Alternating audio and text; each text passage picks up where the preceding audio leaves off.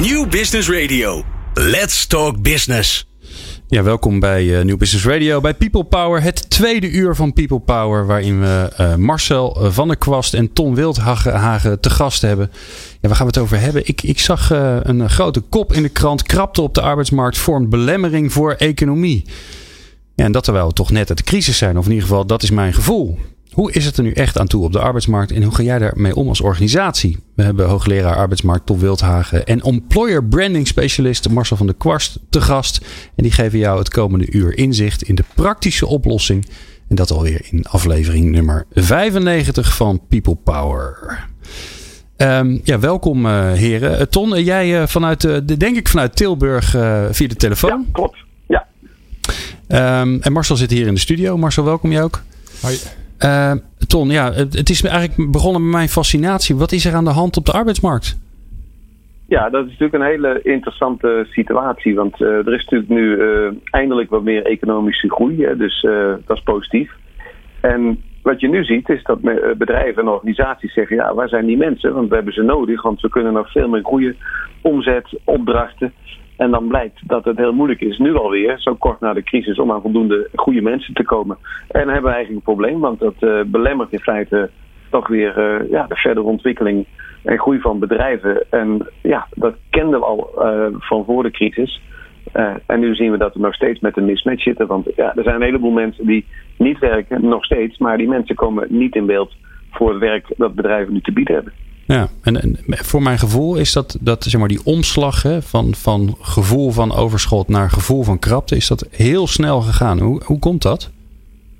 Nou, kijk, je kan zeggen dat uh, de mismatch, hè, dat we dus niet de, kennelijk de juiste mensen kunnen vinden uh, op het juiste moment in de juiste aantallen, uh, dat dat in feite door de crisis is dat eigenlijk even overschaduwd, omdat de vraag naar werk uitviel. Hè. De, met name bij de bouw daar was weinig werk. Dus dan weet je op dat moment eigenlijk niet dat er, het klinkt wat raar, te weinig mensen zijn om het werk te doen als die economie normaal of beter gaat draaien. Dus eigenlijk is het probleem nooit weg geweest. Maar ja, er was gewoon heel weinig te doen. En op het moment dat dus het probleem uh, minder wordt, dus uh, dat de economie het beter doet, meer vraag, ja, dan zie je dat dat uh, acuut weer problematisch wordt. Maar kun je dan eigenlijk zeggen dat, uh, uh, want jij, jij zegt ja, dat, dat was eigenlijk al zo en we hebben dat eigenlijk wel aanzien komen. Maar kun je dan zeggen dat de gemiddelde organisatie heeft zitten slapen? Ja, zij hebben natuurlijk ook uh, beperkingen. Je, je, had kunnen zeggen van goed, jullie hebben toen de mensen die je ontslagen hebt in de crisis, had je niet moeten doen. Dat had je beter vast kunnen houden, wat met name in Duitsland de praktijk is geweest. Hè. Duitsland uh, werkt op een andere manier. Uh, op het moment dat het slecht gaat, dan kan je gewoon mensen minder laten werken. En die uren worden dan in feite door uh, de sociale zekerheid vergoed. En dan blijven mensen in dienst. Hier is dat niet zo. En hier heb je ook heel veel tijdelijke contracten. Dus mensen worden bedankt. En, nou ja, en dan denk je, nou, en um, vervelend is ook, je sector wordt minder aantrekkelijk. Want jongeren zijn niet voor bouw- of zorgopleidingen meer gaan kiezen omdat ze eigenlijk het signaal uh, ontvingen, uh, ja, hier is toch niks te doen voorlopig. Dus die klasse van jongeren, die natuurlijk vier jaar over een studie doen, uh, die zaten in 2013, 14 een stuk minder vol. Nou, plus vier. dus zit je al in 2018 dat er mogelijk wat meer leerlingen van de, van de scholen komen. Dus ja, die bedrijven zullen het nog een tijdje op deze manier moeten aanzien. En zo'n zo'n systeem van gedeeltelijk in een, in een uitkering terechtkomen, dat hadden we volgens mij aan het begin van de crisis wel. Hè? Daar kon je even voor kiezen om. Uh... Eenmalig, ja. ja. Mocht één keer de deeltijd WW. In Duitsland is dat een permanent systeem wat al uh, sinds de Eerste Wereldoorlog bestaat. Dus we hebben dat toen echt in het midden van de crisis gehad. Maar wel met de boodschap van de minister. Dat doen we nooit meer. Dus wij kennen dat alleen maar bij uh, ja, echte calamiteiten, vogelgriep voor de reisbranche. Uh, maar niet op de manier uh, dat dat in Duitsland werkt of in België, waar je ook zo'n systeem hebt. En waarom doen we dat eigenlijk niet?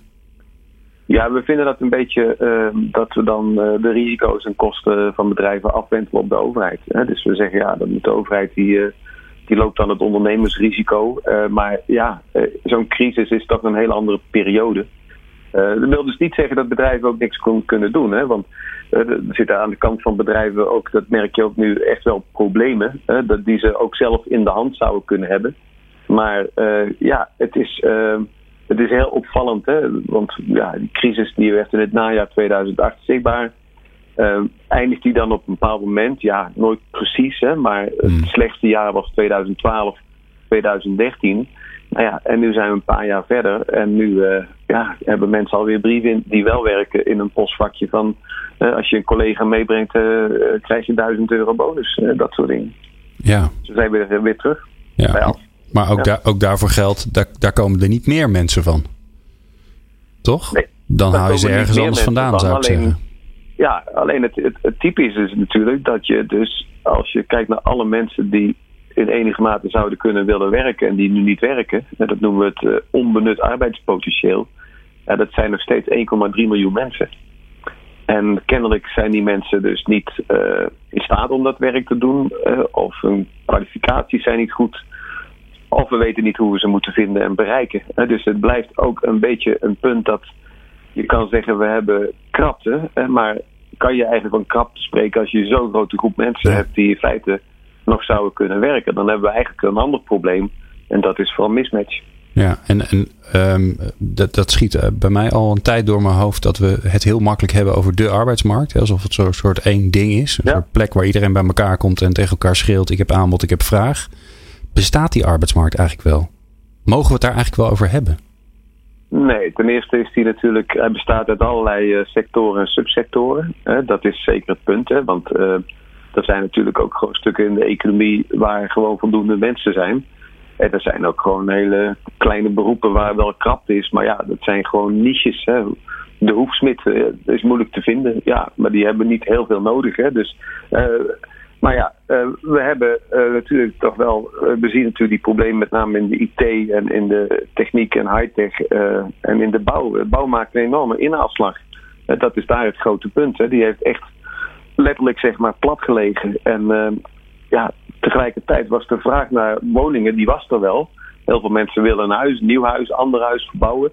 Maar niemand kon dat eigenlijk be- betalen. En op het moment dat het dan beter gaat, dan komt die vraag in één keer terug. En Ja. ja dan, dan had je kunnen zeggen, ja, had nou die jongeren gewoon verteld van jongens, ik kon goed kiezen gewoon voor die opleiding tot timmerman en metselaar. Maar dat gebeurt dan niet. En de jongeren zelf, die denken ook van, nou ja, ik ga wel wat anders eh, studeren.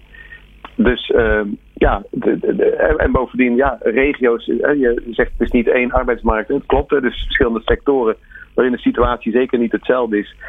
Maar je hebt natuurlijk, eh, arbeidsmarkten zijn sterk regionaal en niet compleet. Hè, maar veel mensen vinden werk in hun eigen regio en willen dat ook. Veel bedrijven werven ook eh, lokaal. En je ziet grote verschillen. Hè. Bijvoorbeeld Groningen maakt zich toch wel zorgen over dat zij van die opleving niet zo eh, hard profiteren. Hè. Dus omdat hun groei minder is. En eh, zij maar daarmee ook eh, ja, toch wel minder mensen aan, aan het werk kunnen helpen. Dus de situatie is ook in Nederland nog verschillend. Ja. Eh, mag ik een vraag stellen, Marcel van der Kwast? Ja. Hallo, oh, ik hoor een telefoon op de achtergrond, maar dat... eh, Maar ja, dat gaat hier. nu uit, denk ik. Ja. Nou, nee, ik heb één vraag, want, want het eh, probleem wat je net schetst met de, de echt moeilijke groepen, zoals de bouw, zoals in de, in de, in de zorg heb je ook een paar groepen, dan is Ja, het... eh, zeker. Het probleem is nu dat eh, eh, werkgevers de mensen niet kunnen vinden, want ze zijn er te weinig. En, en, en eh, ik ben zo benieuwd naar, naar wie, zou, wie moet dat nou eigenlijk gaan oplossen? Want, want het is eigenlijk wel logisch dat ze een paar jaar geleden niet heel hard zijn gaan roepen: kies toch voor de bouw, want wij beloven dat het goed komt. Ja. Aan de andere kant snap ik het ook als de overheid zegt: eh, wij gaan ons er niet mee bemoeien, want dan lossen we het risico van de bedrijven op. En het resultaat is dat we nu op een situatie zitten dat het elkaar tegenkomt. Ja, is het Ja. dan toch de overheid die daarin moet springen? Of is het eigenlijk gewoon, ja, eh, sorry bedrijven, eigen schuld? Wat, wat, hoe ziet u dat? Ja, in, in mijn ogen is dus die mismatch, eh, dat, dat, dat is mijn vertrekpunt. En wat nodig is, is er zijn natuurlijk heel veel mensen die behoorlijk in aanmerking zouden kunnen komen voor bepaald werk, maar die net gewoon het laatste stukje missen. Of bijvoorbeeld in de IT toch nog met eh, de oude programmeertalen. En die hebben dus een stukje nodig, dus dat is een stukje opleiding. En als je dat zou kunnen organiseren, eh, dan eh, zou je een heleboel meer mensen meer in beeld hebben. Het probleem is dan, ehm, wie zorgt daar nu voor? En wat je dus ziet is in behoorlijk wat sectoren, ehm, kan men eh, het niet regelen, zeg maar, dat je als sector ook de mensen opleidt die al aan het werk zijn, zodat ze langer aan het werk blijven en dus niet eerder eruit vallen. Eh, dus mee kunnen, dat ze hun, hun ja, update en upgrade kunnen doen. Ehm, en de mensen die beschikbaar zijn, maar niet werken, uh, maar die wel zouden kunnen instromen, zij instroom, daar zou je dus ook soms moeten in investeren. En wat de zorg nog onvoldoende kan, is zeggen van wij zijn één sector en wij gaan dat gewoon met z'n allen organiseren. En wat in plaats daarvan uh, heeft men toch de neiging om achter de mensen die dan wel gekwalificeerd zijn met z'n allen daar achteraan te rennen en te gaan concurreren. En te denken, ja, als ik deze heb, dan hou ik die. Maar gezamenlijk de verantwoordelijkheid nemen om uh, ook door zijinstroom en, en uh, door het bieden van uh, voldoende stages voor leerlingen die dus een opleiding kiezen, dat te organiseren. Ja, dat kan een stuk beter. En dat is in de techniek, heeft men dat al eerder gezien. Hè. Je hebt ook een landelijk techniekpact. Intussen ook wel een zorgpact. Daar was ik ook voor om dat ook te sluiten, zeg maar, gezien de ervaring in de techniek. Maar veel bedrijven zijn erg gericht op de korte termijn en zien ook niet dat je dus in een sector samen moet zorgen dat er dus, als er te weinig mensen zijn, dat, dat je de mensen opleidt die je al hebt of die nu niet werken. In Amerika is dat echt al een, ja, een, een behoorlijke sterke conclusie geworden. En daar is de slogan: uh, ja, training is the new recruitment. Okay. Dus je moet gaan opleiden om mensen binnen te halen. Je kan niet allemaal achter dat kleine groepje mensen aanrennen die uh, helemaal kant-en-klaar beschikbaar zijn. Nou ja, en dat klinkt mooi, hè? training is a new recruitment, maar dat moet je organiseren als sector en als regio. En, en daar gaat het vooral mis. Ja, en het en kan ik me goed voorstellen. Dat is geen oplossing voor, voor de korte termijn. En als, als er iemand wegvalt of er is meer werk, ja, dan. En je komt er te laat achter. Waarvan ik dan toch denk van ja. Uh, het, is, het is ook wel een beetje, beetje dommig. Dat je daar, want je kunt het ook wel aanzien komen, toch? Ik bedoel, de, de, ah, ja. alle informatie over de aantrekkende economie, dat, daar, daar kun je op anticiperen. Ja, maar je ziet uh, dat bedrijven, kijk, als het beter gaat, gaan ze eerst uh, kijken of de mensen die al werken, of die, die misschien wat meer uren kunnen werken. Uh, want dat veel mensen in Nederland die in deeltijd werken, die willen wel in deeltijd werken, maar die willen eigenlijk meer uren. Hè? Zeker mensen in allerlei, ja, zeg maar, flexcontracten, korte contracten, die hebben vaak ook niet, een, niet alleen een flexcontract, maar hebben ook eh, minder uren dan ze zouden willen. Dat, daar hebben wij niet een naam voor. Maar dat heet in Duitsland unterbeschäftigung of in Engeland underemployment. En wat dan gebeurt is uh, dat je als bedrijf denkt van oké, okay, uh, ik ga toch eens vragen of Kees die uh, werkt 28 uur. Maar als die nou gewoon 38 uur gaat werken, dan heb ik wat meer uren. Dus men begint eigenlijk altijd met de bestaande mensen kijken, kunnen die wat meer doen? Um, er wordt ook gekeken, kunnen we nu wat meer geld hebben, ook wat investeren, een stukje automatiseren, dat we wat meer uh, productie kunnen draaien. Dan uh, gaan we onze roosters verlengen of er komen robots bij die de hele nacht kunnen doordraaien.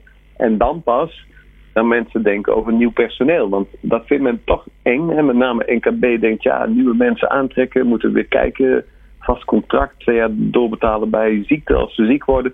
Dus het aannemen van mensen is nog steeds wel een onzekerheid die men alleen maar uh, voor lief neemt op het moment dat het duidelijk is dat je echt gewoon toch een hele tijd uh, die mensen nodig hebt. En dat niet eventjes een, uh, een kleine piekje is, zeg maar, in de economie. dus er is behoorlijk wat omzichtigheid en voorzichtigheid om over te gaan tot het werven van nieuwe mensen. En als je zegt, ja, je moet dat eigenlijk al meteen doen of eerder doen als je die, die, die voortekenen ziet, ja, dat vindt de ondernemer en met name de MKB'er vind dat toch wel heel spannend. Ja, nou, uh, reden te meer om, uh, om jou een keer te verleiden om naar Hilversum te komen, Ton. Want dat, dat gesprek over het, het vertrouwen of het, de vastigheid die de, die de werknemer wil en, de, en, de, en het risico, en dus eigenlijk ook de zekerheid die de werkgever uh, zelf ook wil en het risico wat hij niet wil lopen, dat lijkt me een hele ingewikkelde catch-22. En daar, volgens mij moeten we daar gewoon een keer een uur voor uittrekken.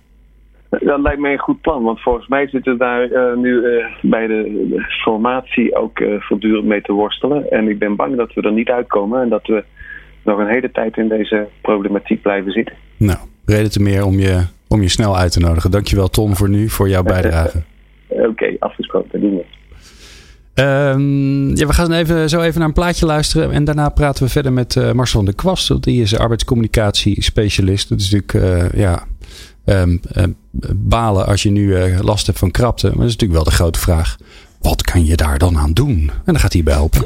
People Power. Inspirerende gesprekken over de kracht van mensen in organisaties. Met Glen van der Burg. Ja, we praten uh, met elkaar in dit uh, tweede uur van People Power, nummertje 94 95, ik ben het al een beetje kwijt. Um, praten we over de arbeidsmarkt. Wat is er aan de hand op de, over de, op de arbeidsmarkt? Nou, daar hebben we het net uh, met uh, hoogleraar Ton Wildharen over gehad. En Marcel van der Kwast is in de studio om dan vervolgens jullie te helpen bij... Oké, nou, we hebben een probleem. We hebben te weinig mensen. Oh, waar halen we ze vandaan? Ze zijn er niet. We krijgen niet meer 100, 100 sollicitaties op mijn vacature. dus hoe ga ik dat oplossen? Um, Marcel, ja, weet je, het, gevoel wat, mij bekruipt, en dat hadden we net met Ton ook al even over, is dat het zo reactief is allemaal. Ik, als ik, weet je, ik, ik, ik denk altijd heel vaak, denk ik, uh, mensen zijn super belangrijk voor je organisaties. Als je geen mensen hebt, kan je je werk niet doen. Um, uh, dat geldt ook voor klanten. En voor klanten hebben we dan heel mooi systemen. Dan hebben we CRM-systemen en dan, en dan hebben we een funnel. En dan, uh, en dan houden we allemaal in de gaten of we wel genoeg aanvoer hebben van nieuwe opdrachten. En dan heb je het over goede mensen. En dan, ja, en dan gaat er iemand weg of we hebben meer werk en denken oh shit, het gaat niet meer, laten we maar een vacature sturen. Waarom is dat nou zo? En kan het nou niet anders? Uh, waarom het is, dat, ik denk dat dat uh, heel ver terug gaat. Maar kijk, ik denk dat het zeker anders kan.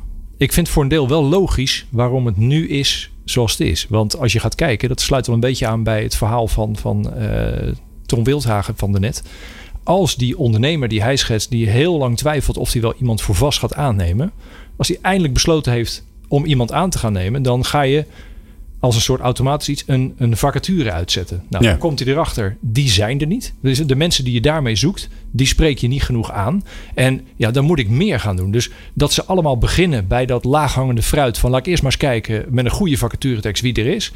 Nou, heel simpel. Laten we maar, maar dan zeg je al wat, hè? Goede vacature tekst. Nou ja, okay, maar Hoeveel kom je er tegen? Maar dan... Uh, ben jij die enthousiaste, analytisch, analytische blablabla? Jongens, kom op. Ja, oké. maar eens. Maar dat is het vakgebied van recruitment. Daar valt genoeg in te verbeteren. Daar gebeuren ook heel veel goede dingen. En ik denk dat, dat recruitment is op zich best een... een inventief vakgebied. Weet je, alle uh, tools, alle, zoals jij ze schetst, de funnel, de, de CRM, het allemaal in recruitment bestaat dat ook.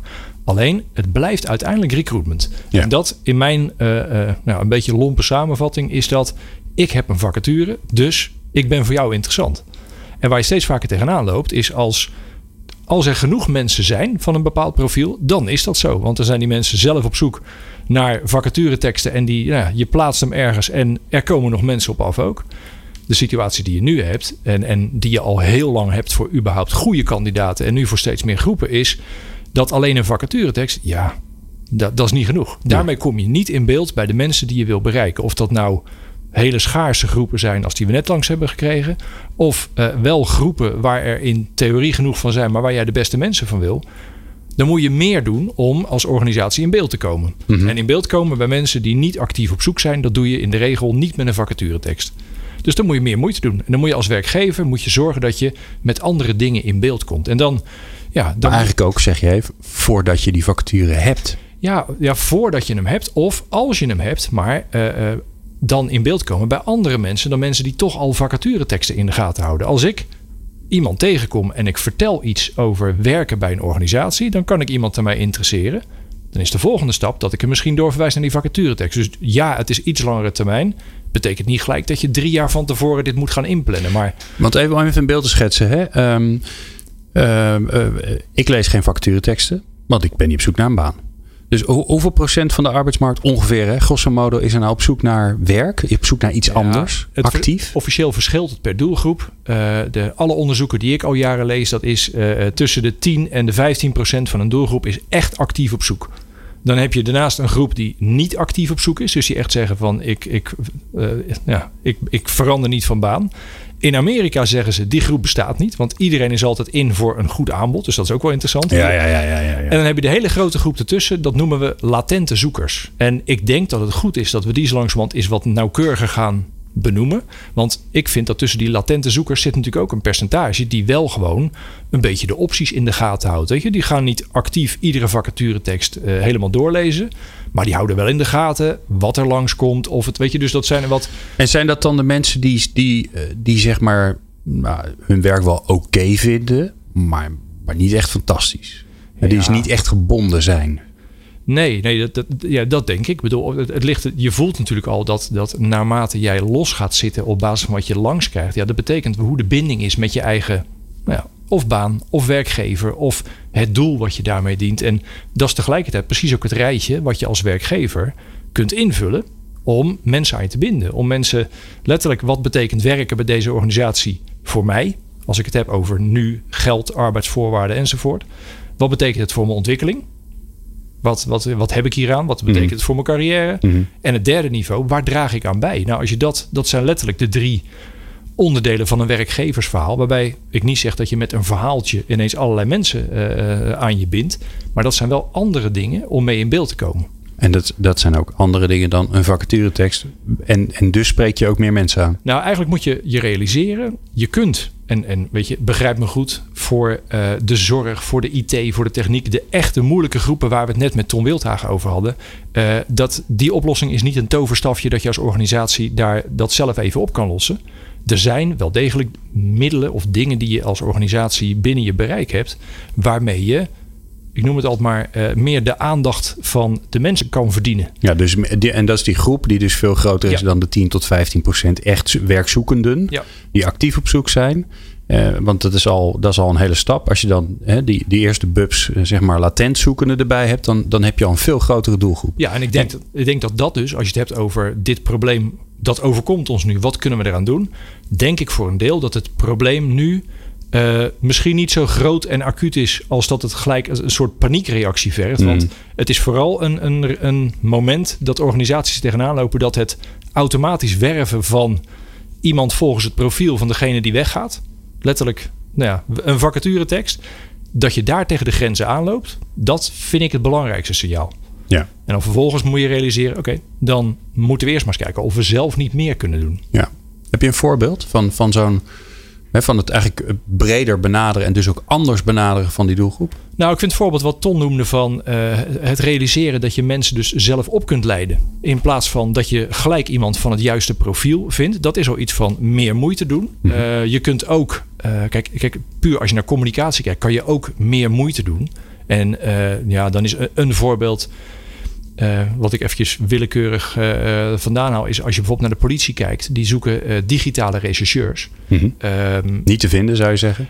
A, niet te vinden. B, niemand snapt dat je, niemand weet dat je dat bij de politie ook kan doen. En het is ook nog een groep die moet je echt laten zien dat het heel erg bijzonder is wat je doet. Want anders dan hebben ze nog tien andere banen om uit te kiezen. Nou, die hebben dus twee, drie jaar geleden besloten om ja, dan echt maar te investeren in een, een, een ontzettend ja, diepgaande, echte serious game. Waarbij vooral de digitale rechercheurs van de politie de inhoud hebben gemaakt. En dat jij als doelgroep mee kan doen om eigenlijk mee te helpen zo'n case op te lossen. En dat is Mm. natuurlijk, het is gaming. Dus het is, het is een, een versie van de realiteit. Maar het is wel zo echt dat je er nou ja, letterlijk, eh, ik ben er drie keer aan begonnen, ik kwam er niet uit. Dus dan heb je wel het gevoel, mooi, dat is echt. En als je erin duikt, dan, dan weten ze ze op die manier in beeld te komen en een doelgroep aan zich te binden. En niet alleen maar voor de leuk, maar ook zorgen dat je dan daarachter nog steeds recruitment ja. hebt staan, zodat je ook genoeg mensen binnenhaalt. Dat is een beetje, het lijkt altijd of ik tegen recruitment ben en voor communicatie, maar ik denk juist dat je dat allebei goed moet doen. En als je nu kijkt, hebben te veel organisaties vooral op recruitment gericht. Ja. Wat is ook interessant, eh, als je in recruitmentland gaat kijken, zijn bol.com en eh, Coolblue, nou ja, redelijk dezelfde branchegenoten, zijn daar echt al een voorbeeld. Die hebben allebei hun recruitment ontzettend goed staan. Eh, worden daardoor ook heel veel gekopieerd en als, als benchmark gezien.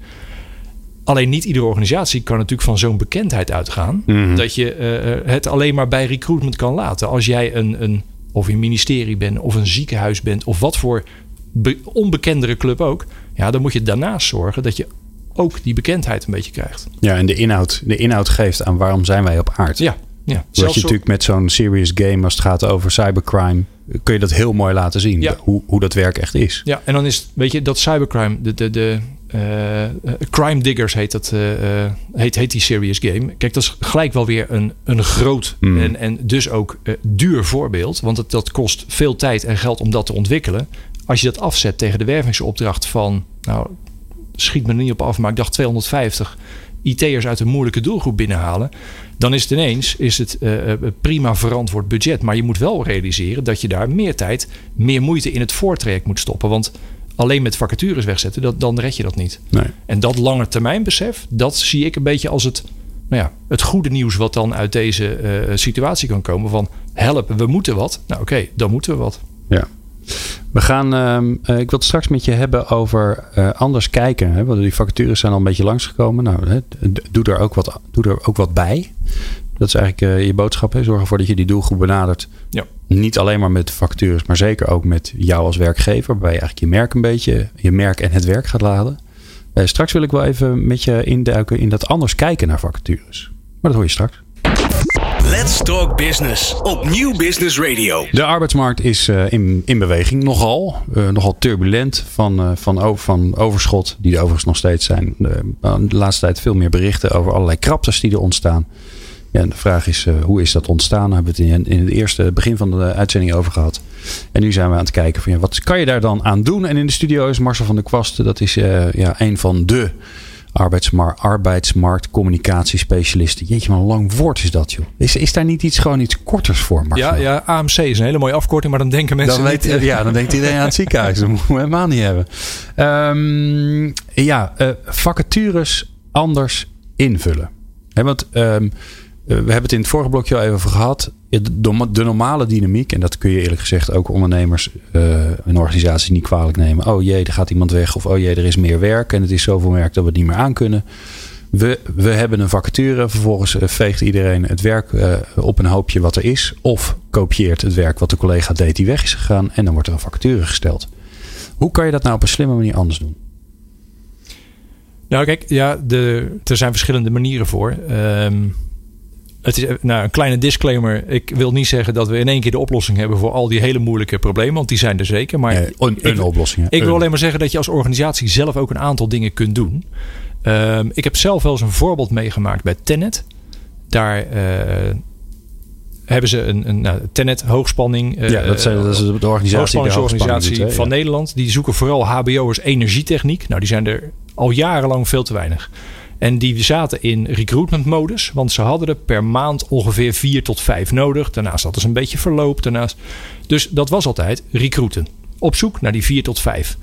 En iedere maand weer. Toen is daar op een gegeven moment, dat is Ronald van Driel geweest als, als recruitment manager daar. Die heeft gezegd van, wacht even, laten we dit eens per jaar bekijken. Dan heb je het ineens over 60 tot 70 vacatures per jaar.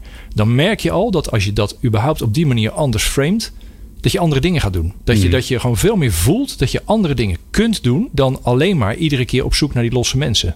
Dus ik zeg niet dat je niet, je moet niet stoppen met recruiten, maar je moet kijken als dat de behoefte per jaar is, wat je nog meer kunt en moet doen. Veel meer zorgen dat je in beeld komt. Dat je je bij opleidingen gaat presenteren. Want waarschijnlijk heb je het jaar daarna heb je ook weer zo'n aantal nodig. En dat, dat is veel meer is dat van ja, ja, letterlijk van de korte naar de lange termijn.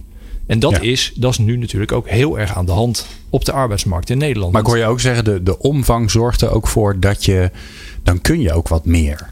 Nou, dan, dan wordt het gelijk logischer om uh, uh, meer naar die lange termijn te kijken. Om, om wat, ja, misschien wat grotere dingen te gaan doen. Of andere dingen te gaan doen in ieder geval. Heb je nou een voorbeeld van een, van een, van een branche? Want dat begonnen we eigenlijk helemaal aan het begin van de, van de uitzending mee van ja, er zijn branches zoals de bouw of, uh, of de IT-sector. Ja, daar is gewoon krapte. En dat hadden ze eigenlijk ook wel een beetje aanzien kunnen komen.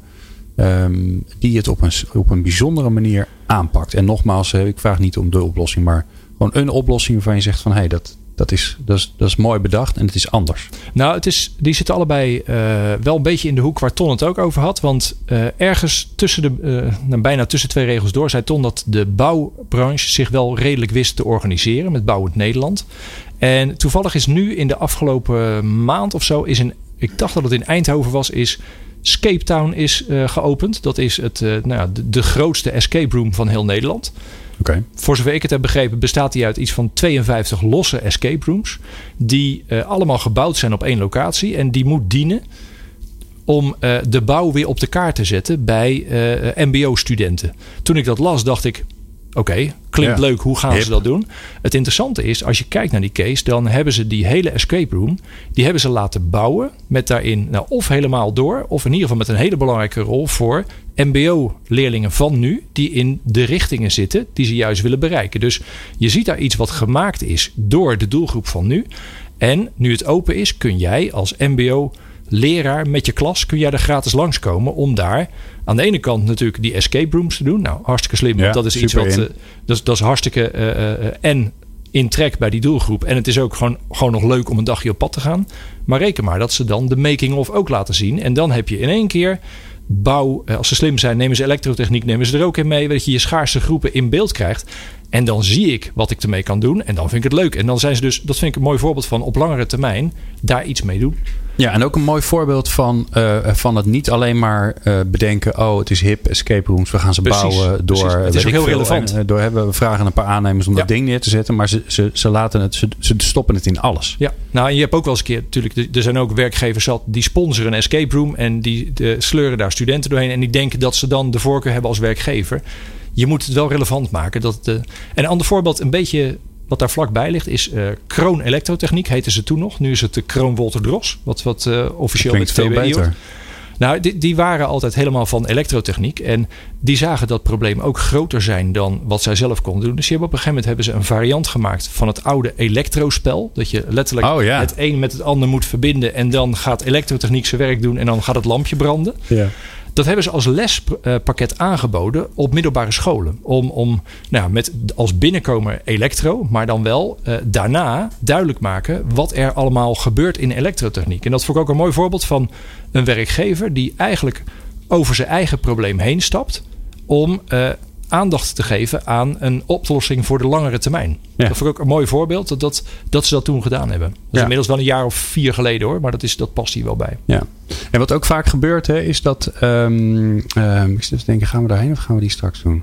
Nee, laat maar even doen.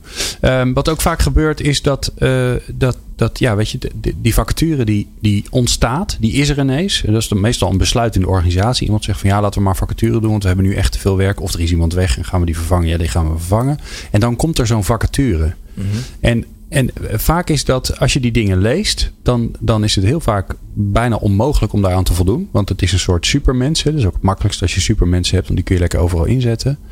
Maar ik vraag me ook altijd af, hoe denken organisaties daar nou over na? Dat, hè, het, je hoeft natuurlijk niet dezelfde persoon terug te zoeken die er weg is gegaan. Nee, Toch? Nee, je kan. eh, ik, ik, ik vind juist. eh, kijk, je, je kan natuurlijk als je iemand van 42 met 14 jaar ervaring op precies de goede plek. als die weggaat, dan is de respons.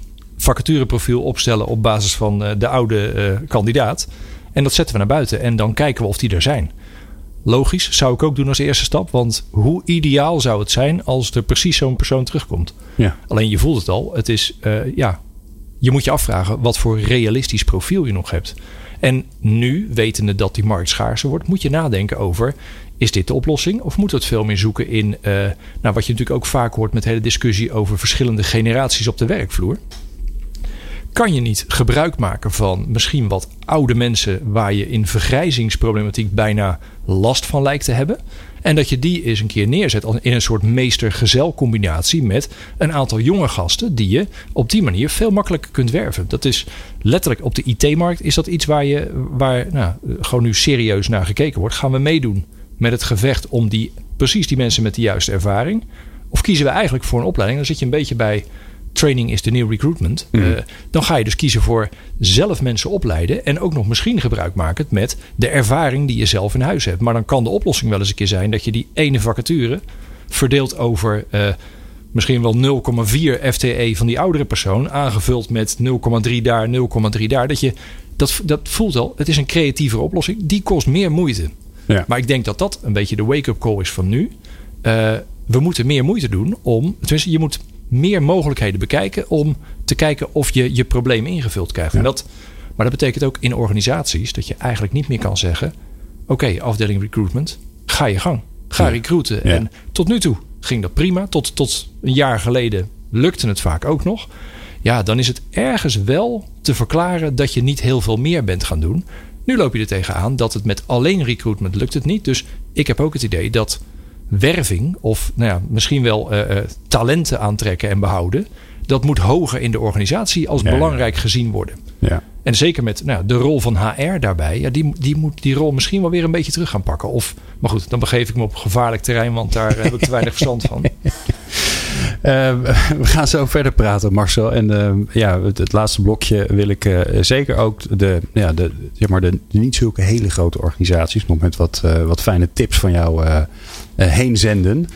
Uh, dus dat hoor je, dat hoor je strakjes. Uh, Marcel van der Kwast die jullie fijn gratis arbeidsmarktcommunicatieadvies gaat geven. Jeetje, wat een lang woord. People Power met Glen van den Burg. Marcel van der Kwast, die is de gast in de studio.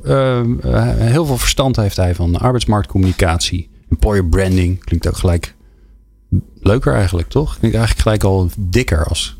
Als je het dan over de branding van je eigen vakken hebt, toch? Fijn, bedankt. Ik klink dikker als ik zeg ja, ja, ja. ja, nou, niet fysiek. Um, ja, we hebben het al over heel veel dingen gehad, Marcel. Um, Oké, even een case. Stel je voor, ik ben, uh, ik ben zelf ondernemer. Ik heb mijn eigen bedrijf. Het gaat hartstikke goed. Uh, ik word e-, eindelijk weer. Hè. Ik heb de crisis gehad. En, uh, maar ja, ik schrik me eigenlijk helemaal dood. Want ja, mijn, mijn, beste vrouw die is, die is verdwenen. Die is weggekocht door de concurrentie. Um, en ik had eigenlijk al te veel werk. En ik zoek nu gewoon mensen. Ik kan ze gewoon niet vinden. Werk, eh, werk 15 mensen bij mij, dus een klein clubje. Nou, een klein clubje. Dat is zo'n beetje volgens mij 80% van de Nederlandse arbeidsmarkt. Um, ja, wat moet ik doen? Nou, kijk, um, in die zin heb je gelijk dat, dat employer branding dat dat dikker klinkt. Want het is en Engels en het klinkt groot en het klinkt...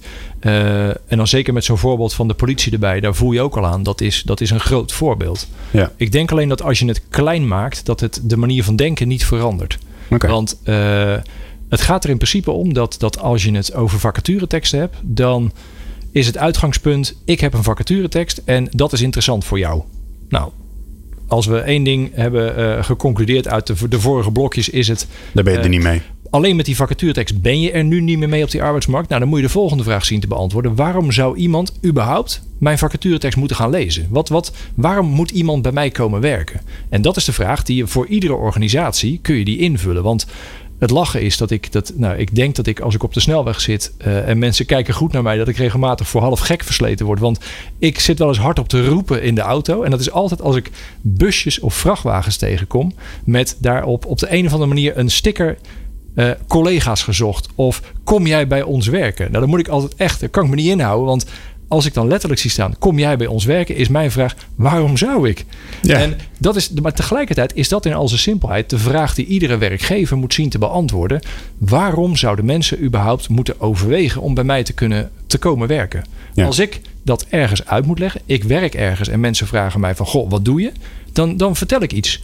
Nou, puur die ja, hele simpele verklaring vaak, of hele simpele uitleg.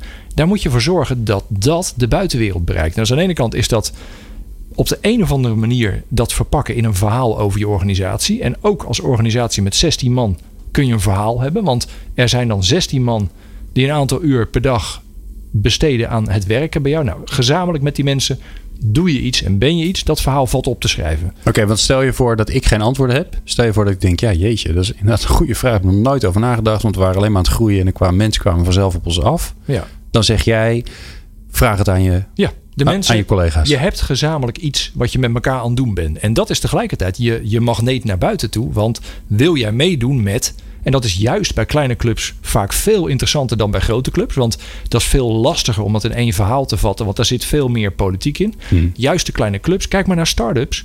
Iedereen in Nederland is wel een beetje fan van Blendel. En Blendel is inmiddels veel te groot om, om dat nog klein te noemen. Maar in het begin, dat waren gewoon uh, een paar jongens met een leuk verhaal.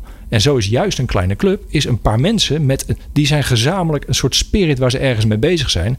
Daar zit een geweldig verhaal in. Hm. En dat verhaal, dat, dat hoeft niet meer te zijn dan gewoon, schrijf dat nou eens op op een A4'tje. Maar dan wel opgehaald bij je eigen mensen. Dan ben je, als je dat verhaal ben je aan het employer branden. Dan weet de buitenwereld dat nog steeds niet. Hè? Dus dan moet je nog steeds gaan vertellen. En dan moet je, uh, vind ik dat je als organisatie, nou, vertel dat verhaal op de een of andere manier op je busjes of op je vrachtwagens als je dat hebt rijden. Maar ga ook eens kijken, want je hoort natuurlijk heel vaak, je hebt de mystery shopper. En dan heb je in uh, recruitmentland adviseren ze ook, ga solliciteren bij je eigen bedrijf. Want dan weet je hoe je behandeld wordt als sollicitant. Mhm. En dat is natuurlijk, nou, dat is alles over de, de, de candidate journey. Ik zou hem iets uit willen breiden en ga ook eens net doen alsof je misschien wel wil werken bij je eigen organisatie. En ga eens kijken hoeveel gevoel je op kunt pikken. En dat is dan vooral online vaak die zoektocht. Waar kan ik nou iets vinden over hoe het is om ergens te werken? Nou, dat vind ik nog steeds een vrij schrale bedoeling. Dat is dus een beetje een, een soort tochtig perron op een herfstdag. Want vaak is het ook op, op werkenwijsites draait het om vacatures. En dat is heel erg vanuit het uitgangspunt. Zo, dus jij wil bij ons komen werken. Ja, ja, ja, ja. Ik denk dat je die vraag één hoger moet gaan invullen. Zo, we gaan jou eens vertellen waarom je bij ons zou moeten komen, moeten willen werken. En als je dat invult, juist met een beetje gevoel, en dat kan tegenwoordig hartstikke goed met allerlei vormen van content, dan ben je in feite ben je dan als organisatie bezig met ja, op, op langere termijn die mensen op gevoel aan te spreken. En dat is wat je meer kunt doen dan alleen maar vacatures plaatsen. ja. En dan is het op zich, als jij eh Achmea heet en, en duizenden medewerkers hebt, moet je dat groter naar buiten brengen dan dat jij organisatie X bent met 16 mensen. Maar die omvang zit hem vooral in, in hoeveel moeite je moet doen naar doelgroepen. Maar de basis van dat verhaal benoemen, ja, die is niet anders. Hey, en wat is het voordeel van, eh, van, eh, van, de, van de, kleine, eh, de kleine organisaties ten opzichte van die grote? Hè? Wat, wat moet ik nou uitbuiten als kleine organisatie op de arbeidsmarkt? Nou, dat je een kleine club mensen hebt en dat je dus een veel scherper verhaal hebt. Er is nog een mooi voorbeeld, dat is OGD in Delft. Dat is een, een, eh, een IT-club. Die hebben afgelopen jaar de Werf N Awards eh, gewonnen. Omdat zij, en zij zijn inmiddels helemaal niet zo klein meer hoor, maar juist in IT-land heb je natuurlijk de paar hele grote en Ja. je hebt de kleinere clubs die en dan kan je dan voel je al dat je als kleinere club veel meer de gezamenlijke beleving naar buiten kan doen. Een enthousiaste club van, van, van nerds, weet je, die allemaal met hetzelfde bezig zijn. Dat is makkelijker als je 50 man hebt dan dat je 300 man hebt. Nou, juist dat moet je benutten als kleine club. Maak dat verhaal maar lekker scherp.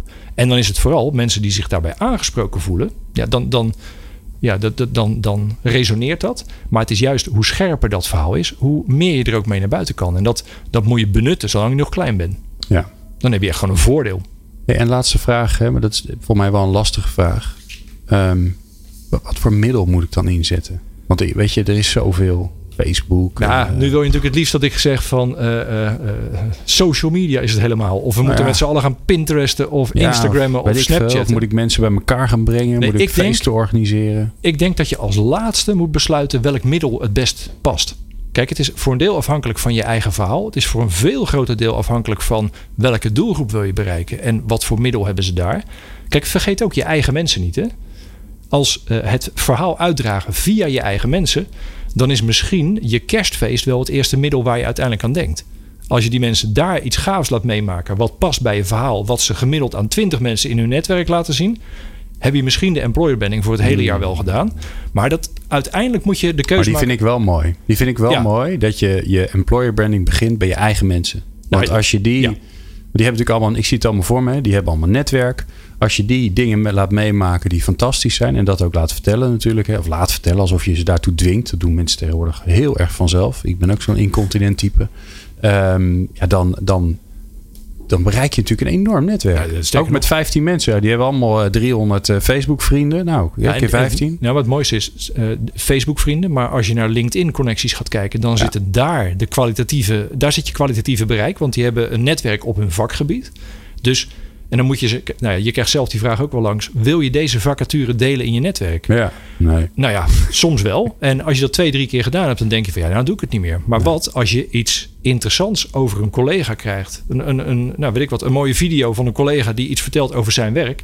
Dan ben je, dat is veel laagdrempeliger om dat te delen in je netwerk. En dan ben je heel erg bezig met employer branding. Alleen het, is, het, is, nou, het, is, eh, eh, het begint absoluut binnen. Ja. Bij je eigen mensen. Mooi. Dankjewel, Marcel van der Kwast, eh, voor jouw eh, bijzonder fijne gratis adviezen. Graag gedaan, Eh, dat was leuk. Er is, een, er is een hoop te doen, ja. Eh, wij zijn er eh, volgende week weer. Eh, wat gaan we doen volgende week? We beginnen om drie uur met eh, People Power Change met eh, Jeroen Buscher.